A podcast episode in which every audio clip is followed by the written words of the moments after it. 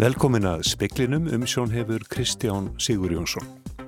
Árangurinn við þróun bóluefnis gegn COVID hjá Livjafyrirtækjunu Moderna er mjög mikilvægur, segir profesor í ónæmisfræði. Íslenskur vísindamadur sem annað þróun bóluefnisins segir að vinnan eigi eftir að hafa áhrif í framtíðinni við þróun bóluefna gegn öðrum smittsjóktumum. Vindtraði í fellibilnum í Óta er komin yfir 70 metra á sekundu. Hann nær landi í mið-Ameríku setna í kvöld. Íslenskiði völdi eru komin vel áleiðis að uppfylla tilmæli Greco samtakana sem berja spillingu en það er munur á frammiðstöðu forsætis ráðuneytisins og dómsmálaráðuneytisins í þessum ennum. Gerður Kristnýri töfundur fekk velun Jónasar Hallgrímssonar og félag ljóðaunend á Östurlandi hlaut sérstakka viðkenningu á degi íslenskrar tungu í dag. Formaði náttúruvendarsamtaka Östurlands telur ekkert líki á að útluta eldtísvæðin í fálksfyrði og stöðarfyrri áður en skipulag haf og strandsvæða á Östfyrðum likur fyrir. Ingileif Jónsdóttir, profesor í ónæmisfræði og deildarstjóri hjá Íslenskri erðagreiningu, segir árangurinn hjá Moderna mjög mikilvægan. Fyrirtæki stefna því að framleiða 20 miljónir skamta af bóluetnin í ár og 500 miljónir til 1 miljard á næsta ári. Næsta vor ætti því að vera hægt að bólusetja stærsta hluta þeirra sem er í mestri áhættu.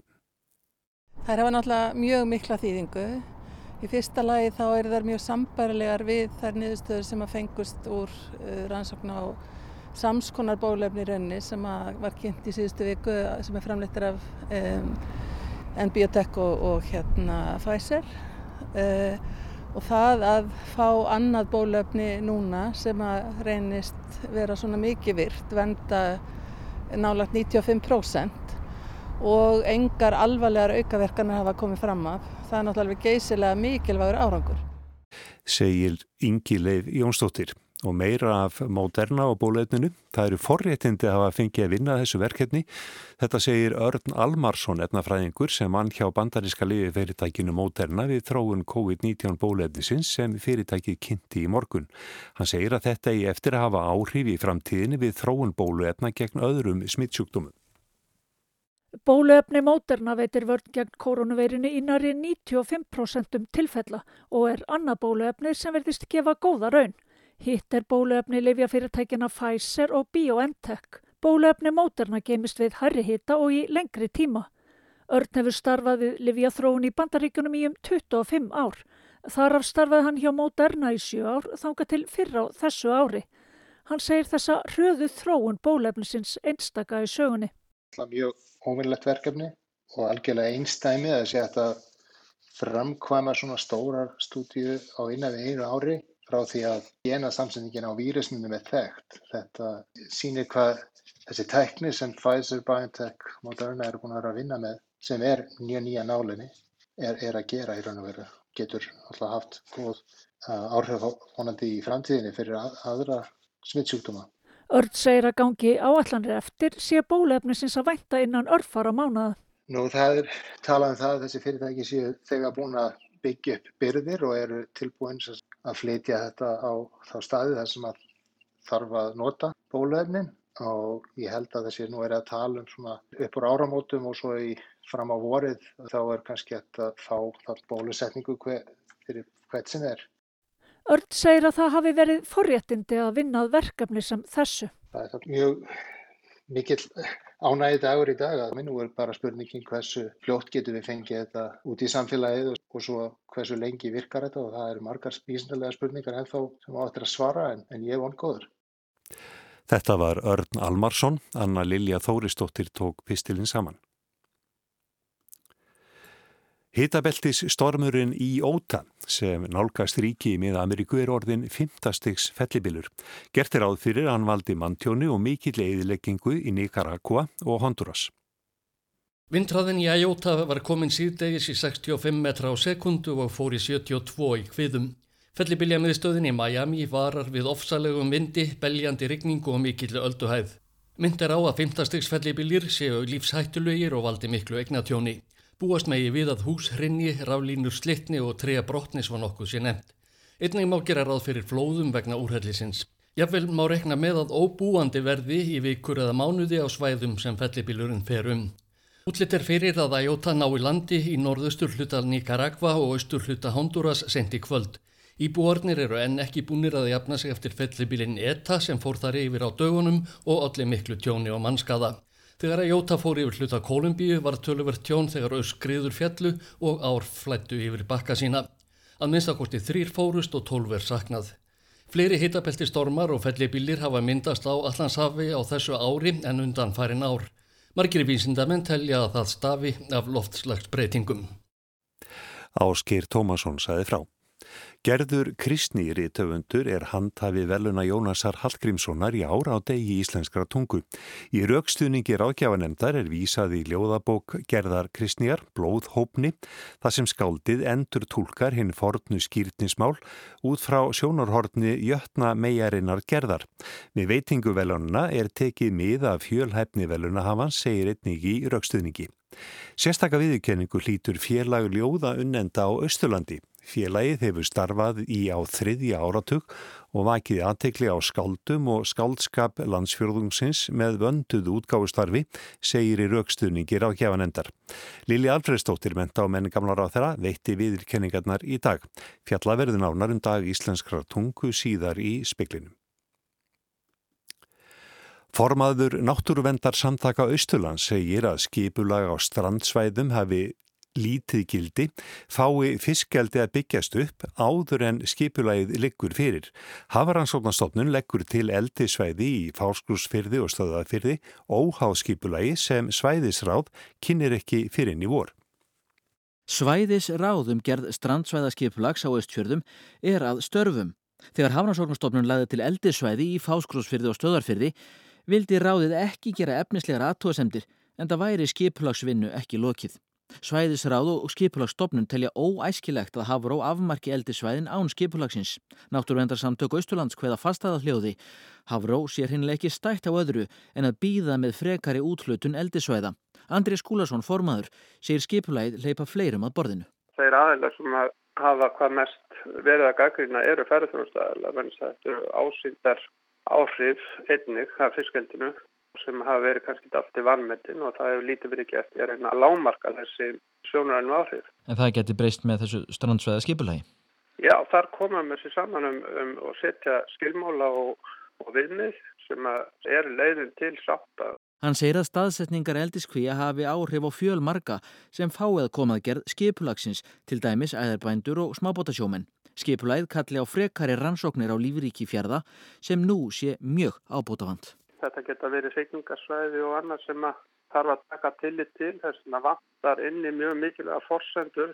Ef að mann ganga rétt til þessara vinnu þá fá bara allir aðilar að koma að borðinu. Það sé ekki verið að gefa einum aðilar forskot langt um frá maðra. Sagði Andrés Skúlason, Rúnar Snær Einarsson talaði við hann.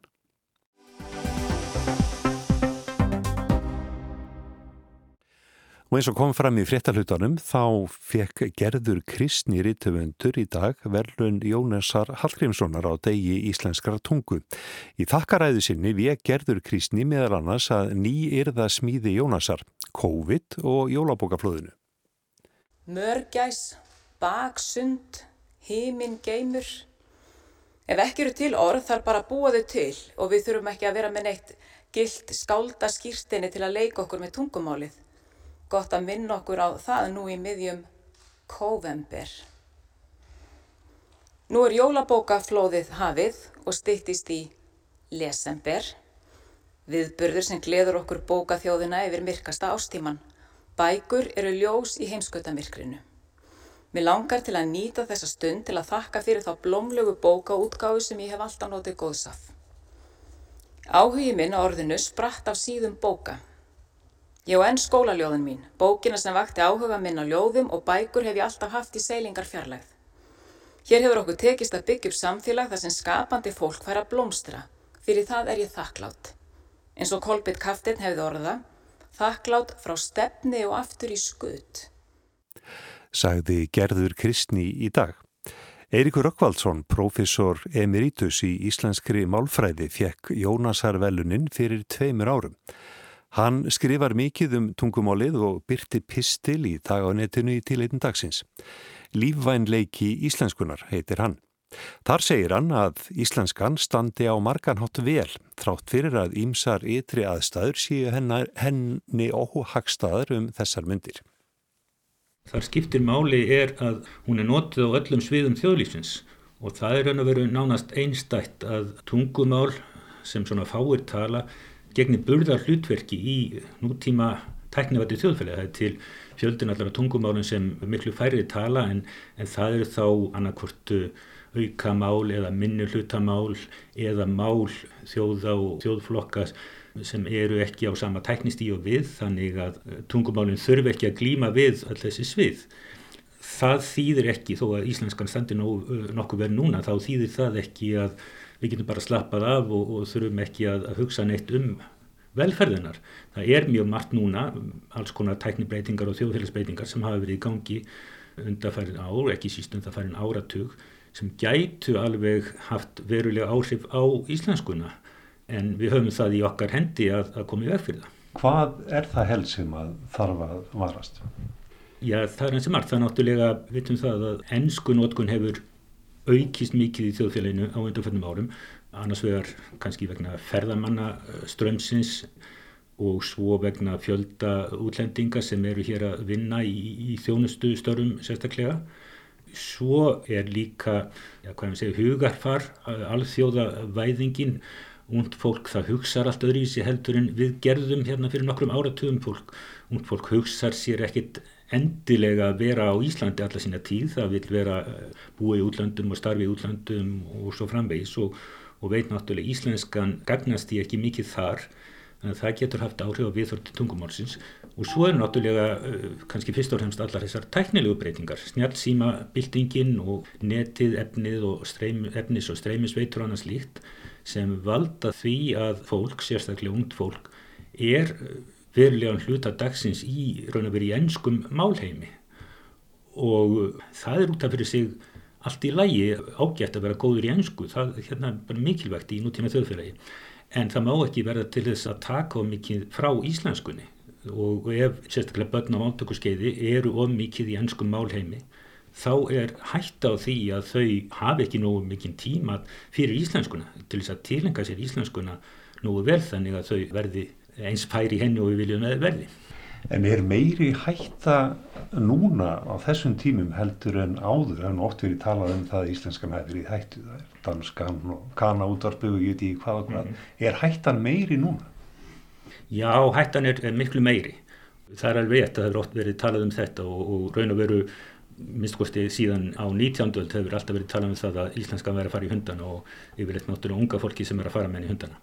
En það sem er kannski ólíkt núna og, og ger ólíkt er, fyrstulega þessi ennsku áhrif eru miklu viðtækari, þau ná til miklu fleiri og kannski ekki síst að þau ná til barna á máltökurskeiði sem til og með dönsk áhrif á 19. öldinni gerðu ekki. Þessi dönsk áhrif, þau, ég held að hafa oft verið gert of mikið úr þeim, þau náðu ekki til nema tiltölega lítils hluta þjóðarinnar og, og alls ekki til barna og máltökurskeiði.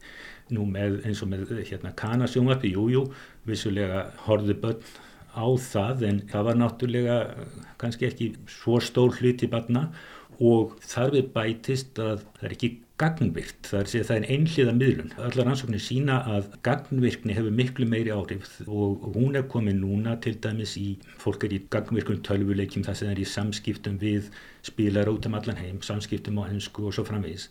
Þannig að það er svo margt sem er ólíkt. En þú segir jáfnframt að áhugi á íslenskri tungu, hann er talsverður. Það held ég að sé alveg ljóst. Það náttúrulega kemur mikið fram núna. Eitt af því sem hefur breyst á undanfæðum árum eru auðvitað samfélagsmiðlarnir sem valda því að nú í raun og verið fyrsta skipti hefur venjulegt fólk, almenningur í landinu tækifæri til þess að koma sínum skoðunum og, og sjónamiðum á framfæri. Áður var þetta, getum við sagt, forréttindi fára útvalina að skrifa í blöð eða tala í útvarp eða eitthvað slíkt.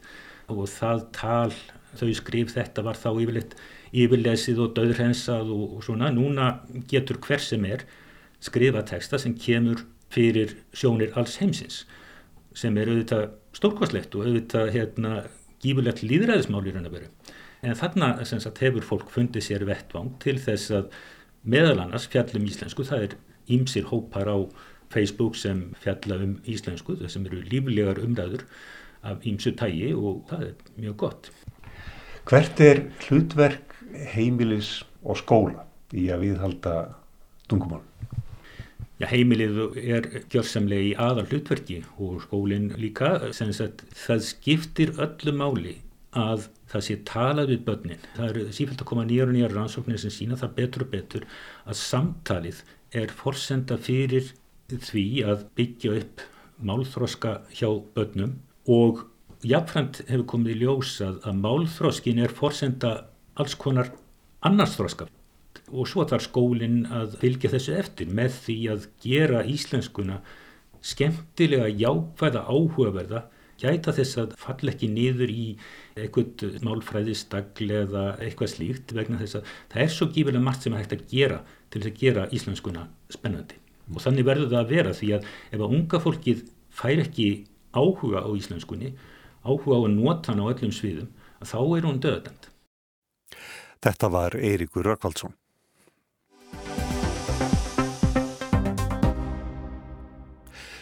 Greco er skamstöfunni fyrir samtök ríkja innan Európarásins sem berjast gegn spillingu. Fymta úttækt samtakana um aðgerður Íslandi gegn spillingu er yfirstandandi og eftir fylgniskísla hefur nú verið byrt. Það er enn nokkuð verk að vinna, engum í máletnum á könnu dómsmálaráðunitisins. Íslenski yfirvöld hafa nú átjármániði til að uppfylla Greco tilmælinn. Í Greco-samtökunum eru ríki í Evrópuráðinu sem berjast gegn spillingu.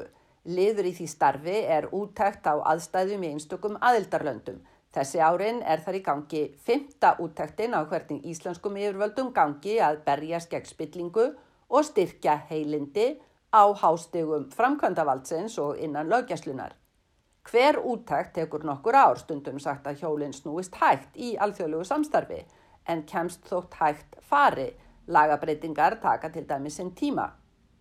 Greco hafði áður byrt átjón tilmæli til íslenskra yfirvalda, nýju sem falla undir verksvið fórsættisraðuneytisins, nýju í verkarhing dómsmálaráðuneytis. Í eftirfylgni skýslunni nú er kannad hvernig íslenskum yfirvöldum hafi gengið að uppfylla tilmælin hinga til frá og með byrtingu hafa yfirvöld svo átján mánuði til að uppfylla þau. Fórsættisraðnettið hefur á sinni konnu mál sem snerta aðstu handhafa framkvæmdavaldsins. Efst á bladi eru tilmæli Greco um heildarstefnu til að bæta heilindi og hafa eftirlit með hagsmuna árækstrum. Starfsópur um tröst á stjórnmálum og stjórnsíslu sem fórsættisraður að skipað 2018 er talin uppfylla þau tilmæli. Í viðbót er fórsættisraðnettið talið hafa uppfyllt þrjú önnur tilmæli önnur fjögur tilmæli uppfyllt að hluta, einn tilmælin alls ekki. Reyndar má segja að einn tilmæli í viðbót falli frekar undir fórsættisraðneitið varða vernd uppljóstrara þar sem lögum það efni fallundi raðneitið. Ný lög um uppljóstrara taka gildi 1. janúar næstkomandi, Greko telur þau lög þó aðeins uppfylla að hluta tilmæli um vernd uppljóstrara því framkvæmdinn sé en óljós. Þá er eftir áttatilmæli varðandi lággæslu sem fallundi dómsmálaráðnitið. Seks af þeim haf ekki verið uppfyllt. Þau tilmæli varða til dæmis hagsmuna áreikstra og pólitísk afskipti af lauruglunni og landhelgiskesslunni, ráðningar og svo innra eftirlit í lággæslunni. Í viðbót hafa tvenn tilmæli aðeins verið uppfyllt að hluta. Greco telur því að dómsmálaráðnitið hafi enn ekki uppfyllt neyn tilmælana að ölluleiti. Grego reiknistæmi sínir að það er töluverður munur á framistöðunni í ráðunittunum tveimur, hvort það sínir meiri áhuga og einbeitni á aðgerðum gegn spillingu innan fórsættisráðunettisins er spurning. Það má hugsanlega líta svo á að það taki einhverjum tilfellum lengri tíma að koma til móts við Grego tilmalin varðandi lögjastluna. Þar þurfi lagabreitingar eða ný lög. Einhver tilmalana gætu líka verið efni sem er ekki samstaða um. En eins og áður sagði, ferlið er ekki búið, Íslensk yfirvöld hafa nú áttján mánuði til að láta verkinn tala. Störf Grego tengjast umræðu víða um lönd um reyði, mikið rætt um reyði og ráðvillu eftir Íslenska bankahrunni 2008, rétt eins og heyrðist í áramótarskaupi í lok hrunársins. Helvitis fucking fuck! helvitis fucking fuck. Angrinomics, sambland ennsku orðana anger eða reyði og economics, eh, hagfræði, er nafn nýrar bókar eftir Mark Blythe og Erik Lonergan. Höfundarnir benda meðal annars á munin á réttlátri og uppbyggilegri reyði sem stjórnmálamenn ættu að hlusta á og svo eðileggjandi reyði sem nærværi að sefa en æsa upp. Liður í reyðinni er tilfinningin af spillingu sem gagnist valdtöfum en vinni gegn almanhagsmunum. Þar af viðleikni Grego hindra feluleik og pukur auka gagsægi. En það er hægt að yfka gagsægi með ýmsum hætti. Bæði fórsættisraðnetið og dómsmálarraðnetið byrtu í dag frettatilkynningar um Grego-tilmælinn. Í tilkynningu fórsættisraðnetið sem segir að raðnetið annist samskiptin vegna fyrirluta útæktarinnar dómsmálaráðuneytið málinn í síðara hlutanum.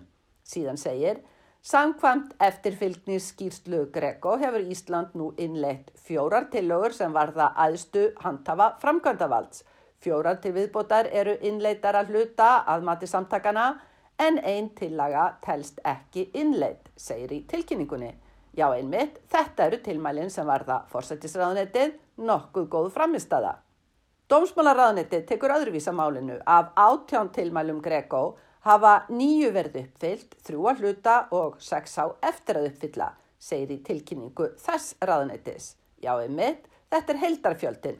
Alveg slefta nefna að Dómsmálaráðnitið hefur ekki uppfyllt ein einustu tilmæli. Báðar tilkynningarnar eru kórjættar. Gagsægi getur sannarlega tekið á sig margar myndir. Sigrún Davísdóttir saði frá.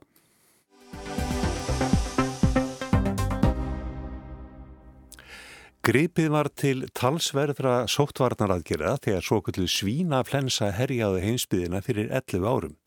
Hér á landi er talið að 50 til 60 þúsund manns hefði smittast. Tveir létust af völdum flensunar og öllum líkindum sá þriðji sem lést í heimahúsi. Svínainfluensan skaut upp kollunum voru 2009 og breyttist út um heimsbyðina. Þetta var fyrir 11 árum og sjálfsagt margi búin að gleiminni.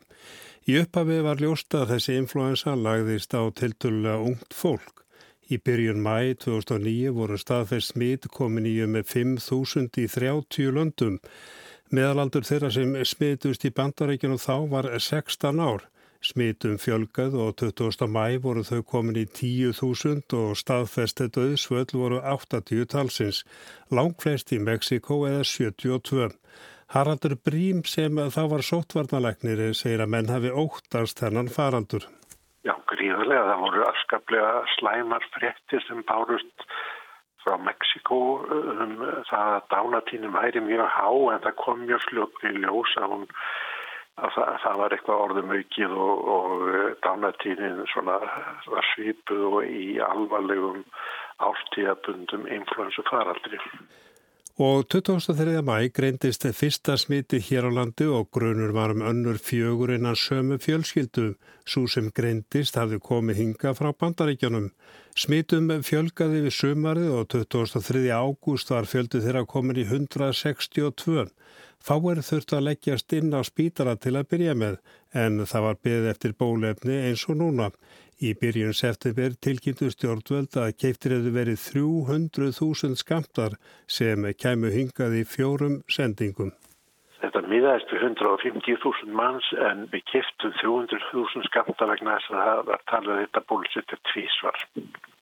En það reyndist ekki þörf á því? Nei, það reyndist ekki þörf á því. Bólefnið var bísna öflugt og, og, hérna, og það endaði með því að við ástum doldlega bólefni sem við sátum upp með. Fyrsta sendingin af bólefni kom 15. oktober og byrja var á því að bólusetja heilbriðistarsmenn. En hefur ekki verið gefið út hverju verða settir í forgang þegar bólefni gegn koronavirinu kemur hinga til lands.